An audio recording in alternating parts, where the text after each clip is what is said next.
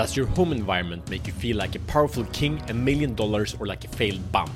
Welcome to Show the Fuck Up Minute. This is Matt Fyron, and this show is for men that are committed to stop playing small and unleash their personal greatness. With daily challenges, we grow together in the most important areas of life mission, family, health, and finance. So the problem is that you know our grandfathers and great grandfathers they kn- knew how to take care and fix things. They understood how their world worked. And but the past decades this understanding has been taken away from us and it's been replaced with a wear and tear culture a culture where consumption is a common way to handle anxiety and other so-called negative emotions so, as men, we're put on this earth with the purpose to serve and protect our loved ones. The essence of our collective mis- mission is to recognize what we have and do the very best of that. Our environment mirror us and who we are.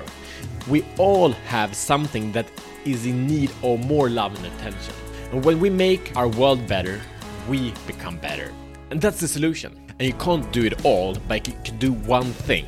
So you know that thing you have been looking at for a long time. Maybe those shoes that would need polishing.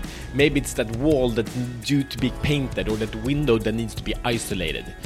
It takes more energy to think you should get it done than actually getting it done. So here's the challenge. So here's the challenge. Number 1, take a timer and set it for 10 minutes. Number 2, make a list of everything in your home and environment that is not as you want it to be. Number three, choose one thing and fix it. Fix it now.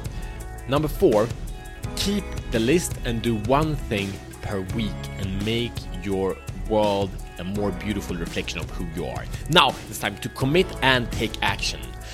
And as men, we are better in tribes. We are not the lone wolf. The lone wolf is failing, is dying. But in tribes, we work. And Friday, the 10th of April, we will launch our community. It's a free community for men that are co committed to show the fuck up and free themselves to unleash their inner greatness, right? So it's a community to support, it's a community for accountability.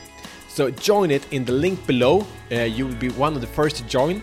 And also, please, this show is new, so if you subscribe, if you review, if you share this with another man, it's very much appreciated.